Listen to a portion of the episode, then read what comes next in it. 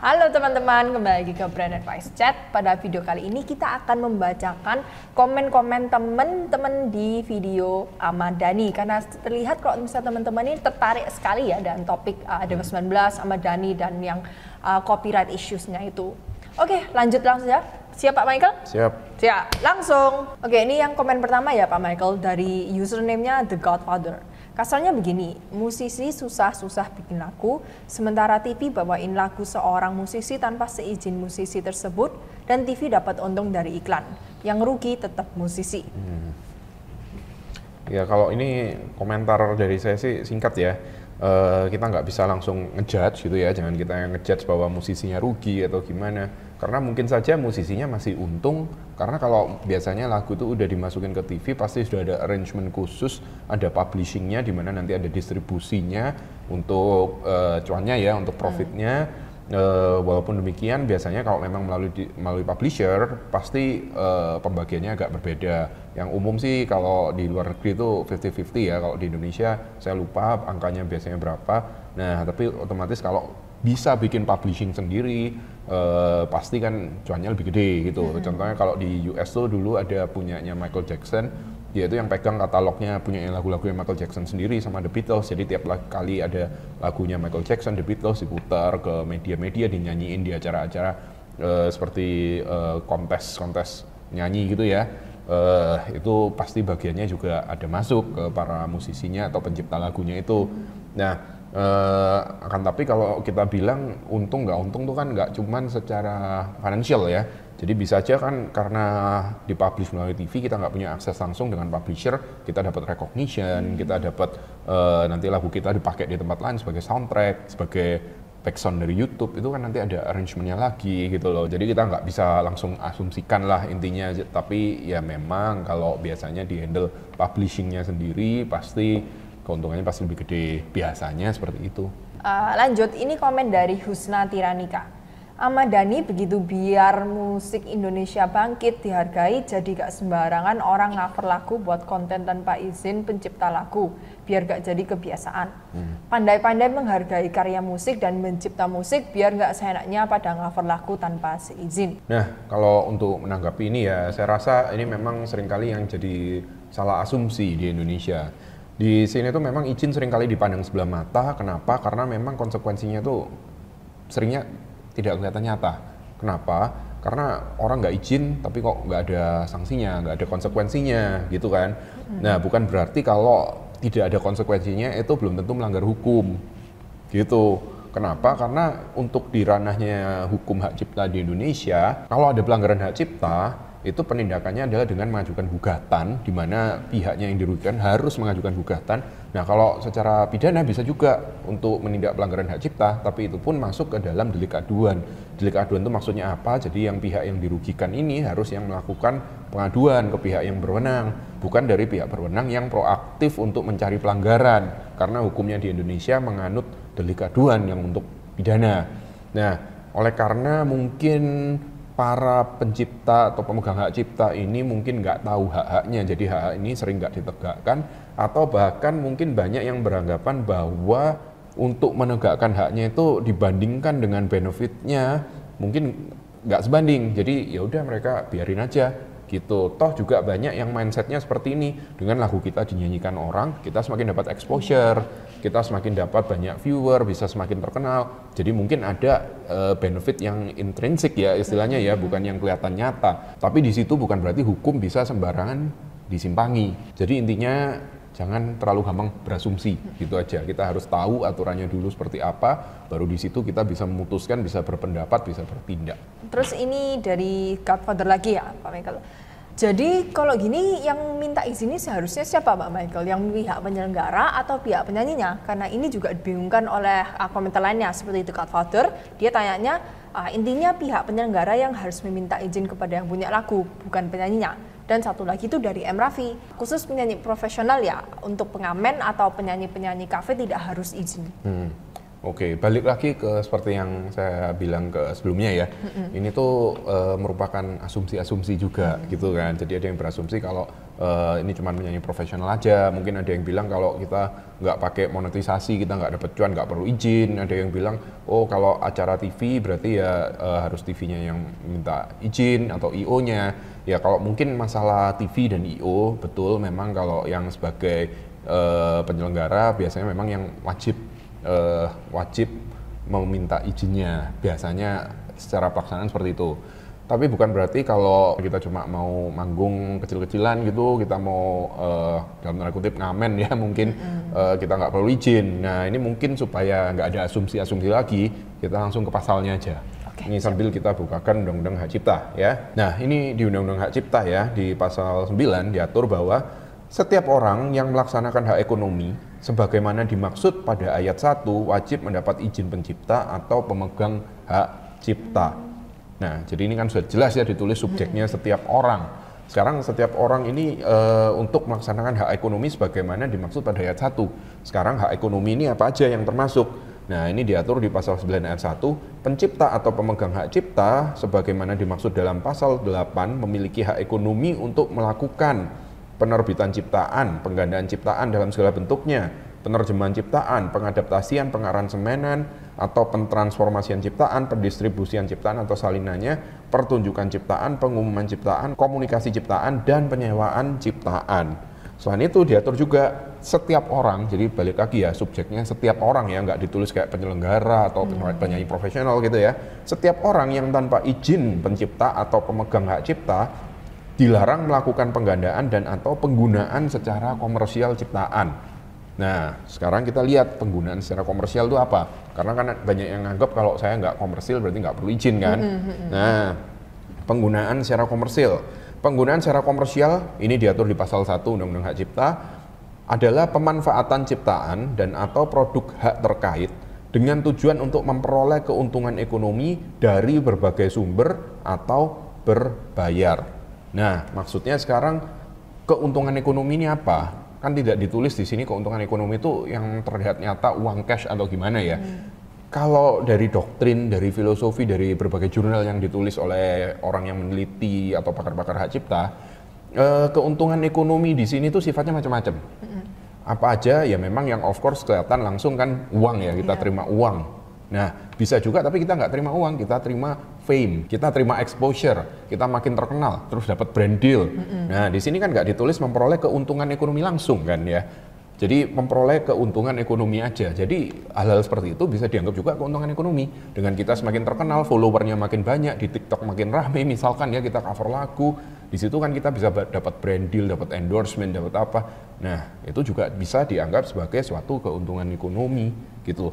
Jadi selain ada izin yang diberikan secara eksplisit, izin yang diberikan secara eksplisit itu maksudnya gimana? Jadi memang kalau eh, dari pencipta pemegang hak ciptanya bilang ya bebas untuk cover gitu, atau kadang kalau sudah tergabung atau menggunakan eh, lembaga yang namanya Creative Commons, jadi Creative Commons yang tipe apa, jadi boleh dipergunakan sampai gimana?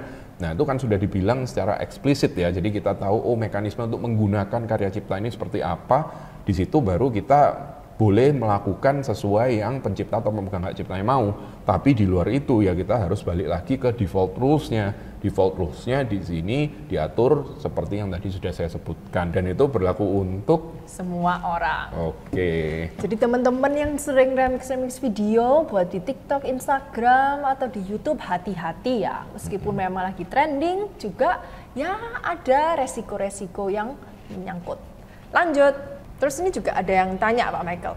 Eh, kalau misalnya di YouTube mereka postnya di sana tapi nggak dimonetisasi, apa ini juga harus tetap izin dulu? Nah, kalau masalah monetisasi secara umum, yaitu seperti yang tadi sudah saya jelaskan ya tentang penggunaan secara komersial dan lain-lain.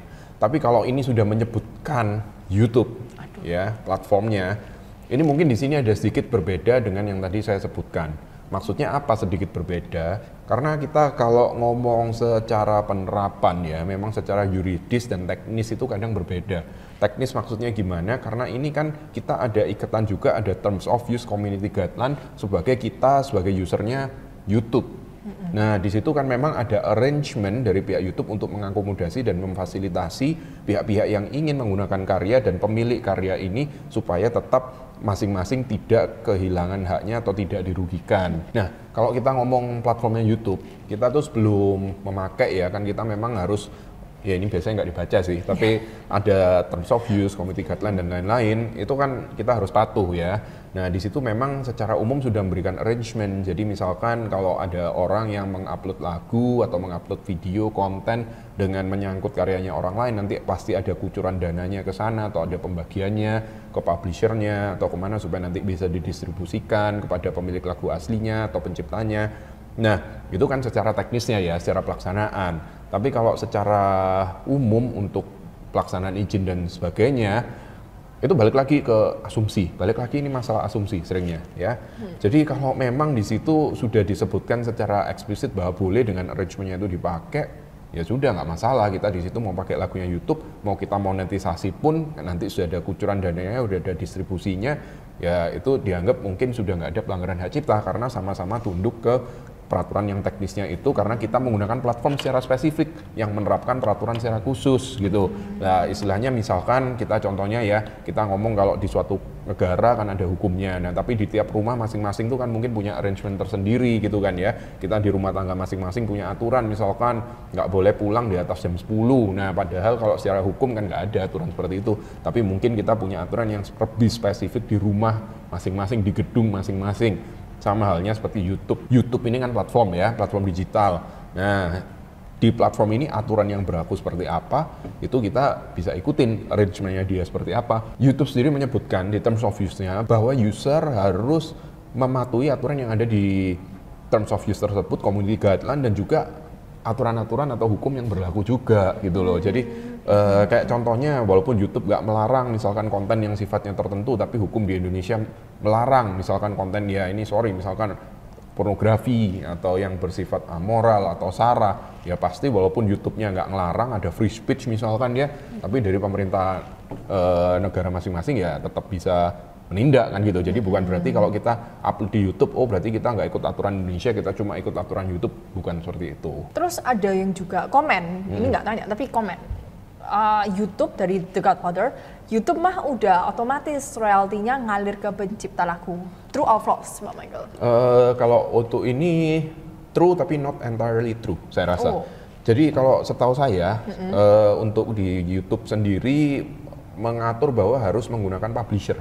Jadi kalau untuk musisi-musisi atau pencipta aja ya, uh, pemilik hak cipta yang tidak tergabung di uh, perusahaan publishing itu tidak bisa memonetisasi uh, secara langsung. Kenapa? Karena itu polisi dari YouTube-nya. Sebagai Anda sebagai creator pemilik karya uh, harus menggunakan mekanisme ini. Mungkin kita kalau berpikir dari kacamata YouTube-nya ya, mm-hmm. YouTube ini harus mendistribusi kalau harus ke jutaan nggak cuma di Indonesia kan ya ini ya bahkan mungkin miliaran hmm. uh, miliaran pemilik hak cipta ya susah sendiri dia jadi makanya YouTube mewajibkan bagi para creator yang ingin dapat kucuran dananya itu harus tergabung ke publishing jadi di sini bisa dibilang bahwa YouTube itu ada distributornya lah gitu loh. Hmm. Jadi nggak berarti YouTube itu langsung retail memberikan ke masing-masing orang, nanti pusing sendiri dia. Hmm. Karena di situ kan ya tahu sendiri pengguna YouTube ada berapa banyak, ada berapa banyak penggunaan dari karya-karya itu juga. Makanya di situ YouTube ada arrangement khusus seperti itu. Makanya di sini mengalir ke pencipta lagu ya bisa ya bisa enggak gitu tergantung arrangementnya tapi secara umum sih iya nah ini berkaitan dengan YouTube ya tadi kita bahas platform YouTube ya ini saya mau sedikit sharing karena ada pasal yang sering kali dipakai sama orang yang dianggap memperbolehkan orang-orang untuk sembarangan posting di YouTube. Mm-hmm. Mereka biasanya pakai perisainya itu pasal 43 ini. Nah, ini saya bacakan di pasal 43 Undang-Undang Hak Cipta itu disebutkan ini berkaitan dengan fair use, istilahnya fair use. Mungkin kalau teman-teman familiar dengan copyright-copyright di YouTube itu ya, copyright claim segala macam kan pasti defense-nya itu fair use. Uh, ini saya bacakan ya di pasal 43 itu isinya ada beberapa yang mengenai fair use. Tapi di sini salah satunya perbuatan yang tidak dianggap sebagai pelanggaran hak cipta meliputi pembuatan dan penyebarluasan konten hak cipta melalui media teknologi informasi dan komunikasi, ya contohnya YouTube kan ya. Mm -hmm yang bersifat tidak komersial, ya, jadi yang bersifat tidak komersial dan atau menguntungkan pencipta atau pihak terkait. Jadi penyebar luasannya itu harus menguntungkan pencipta atau pihak terkait atau pencipta tersebut menyatakan tidak keberatan atas pembuatan dan penyebar luasan tersebut. Jadi ya poinnya tiga itu tadi ya, tidak bersifat komersial itu bisa fair dan atau menguntungkan pencipta. Jadi kalau memang bisa menguntungkan penciptanya eh, itu bisa dianggap fair use juga atau pencipta tersebut menyatakan tidak keberatan atas pembuatan dan penyebarluasan tersebut. Nah, tapi balik lagi, walaupun ada pengaturan seperti ini, tapi sesuai undang-undang yang berlaku, kalau untuk pelaksanaan hak moral harus tetap ada izin. Terus ini juga ada dari Brad itu ya yang tadi Uh, yang aku tanyakan adalah hak moral tentang integritas. Jika si pemosting atau yang cover lagu itu channelnya tidak dimonetize, apa tetap hmm. perlu minta izin? Gitu aja sih bro, smiley face. Oke, okay. nah kalau untuk menanggapi ini ya, hmm. ini mungkin sih sudah sempat kita bahas di video sebelumnya, jadi kita bahas secara singkat aja ya, jadi kalau mau didengerin secara lengkap bisa ke video kita yang sebelumnya. Nah, uh, mungkin untuk singkatnya, hak cipta itu dibagi sebagai dua, hak ekonomi dan hak moral. Nah, hak ekonomi itu apa aja? Itu sudah kita jelaskan tadi di pertanyaan atau komen sebelumnya ya tadi sudah saya bacain secara lengkap. Kalau untuk hak moral itu terbagi sebagai dua. Ada yang namanya hak paternitas dan integritas. Nah kalau hak paternitas itu berhubungannya dengan atribusi atau kredit. Makanya istilahnya paternity gitu ya jadi itu asalnya dari mana gitu. Nah karya itu asalnya dari mana? Dari penciptanya. Nah jadi penciptanya itu bisa mengattach atau istilahnya membubuhkan namanya atau nama saparanya atau nama panggungnya atau bahkan kalau misalkan dia mau namanya tidak disebutkan bisa juga dia minta seperti itu kepada para usernya. Karena mungkin ada beberapa uh, seniman ya contohnya misalkan Banksy. Banksy itu kan nama panggung. Nah ada yang nulisnya cuman uh, anonymous atau gimana gitu ya. Jadi supaya nggak tahu asal usulnya dari mana itu boleh dis atur seperti itu melalui hak paternitasnya. Nah, kalau hak integritas itu yang berhubungan dengan istilahnya integriti atau apa ya mungkin kemurnian ciptaan ya singkatnya seperti itu. Maksudnya apa? Jadi karya itu tidak boleh dimutilasi tidak boleh di istilahnya didegradasi dijelekkan diganti judulnya itu juga nggak boleh. Nah eh, itu yang berhubungan dengan hak integritas. Kalau yang ditanyain di sini moral tentang integritas, tentang izin, itu mestinya hal yang berbeda ya. Nah ini yang mungkin sering jadi salah paham juga. Orang banyak yang menganggap dengan memberikan kredit itu berarti dia sudah meminta izin. Kredit dan izin adalah dua hal yang berbeda. Izin itu dalam ranahnya hak ekonomi, sedangkan kredit itu dalam ranahnya hak moral. Nah jadi misalnya dia pun sudah tidak monetize tapi juga sudah memberikan kredit, apa tetap harus minta izin? Ya intinya kalau dia sudah melaksanakan hak ekonomi sesuai yang tadi saya bacakan harus tetap minta izin. Uh, ini ada lagi dari Lutfi Ahmad. Bukan Dani Ahmad ya? Bukan Pak Michael, ini Lutfi Ahmad. Uh, komennya ini seperti ini. Ahmad Dhani orang yang paham hukum, koma koma koma, dan sangat mengapresiasi karya orang lain. Titik. Hmm, kalau untuk ini memang penting ya kita untuk mengapresiasi karya orang lain ya. Tapi mungkin pesan saya buat teman-teman creator di sini selain kita harus mengapresiasi karya orang lain juga. Mm-hmm. Karya siapa lagi yang harus kita apresiasi? Ya of course karya kita juga. Yeah. Jadi kita sebagai misalkan creator, kita sebagai pencipta lagu, pelukis, fotografer, jangan lupa untuk mengapresiasi karya kita. Kita harus tahu hak-hak kita dan kalau hak-hak kita sampai dilanggar, lebih baik di enforce. Kenapa? Supaya tidak menciptakan suatu environment atau culture di mana orang itu tidak menghargai karya. Jadi supaya karya kita dihargai orang lain, kita harus hargai karya kita sendiri dulu. Mungkin gitu. Uh, dan ini komen kita untuk yang terakhir dari username fotoku.fotomu.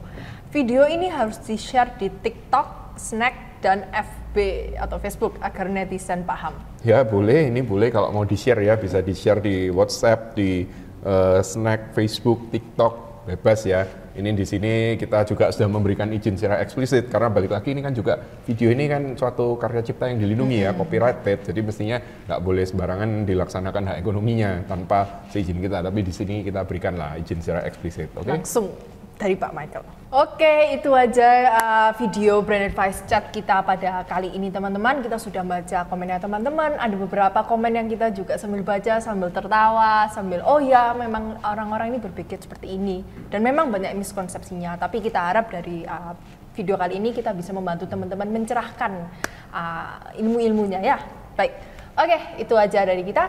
Uh, kita akan ketemu di video Brand Vice Chat yang berikutnya. Terima kasih. Bye-bye.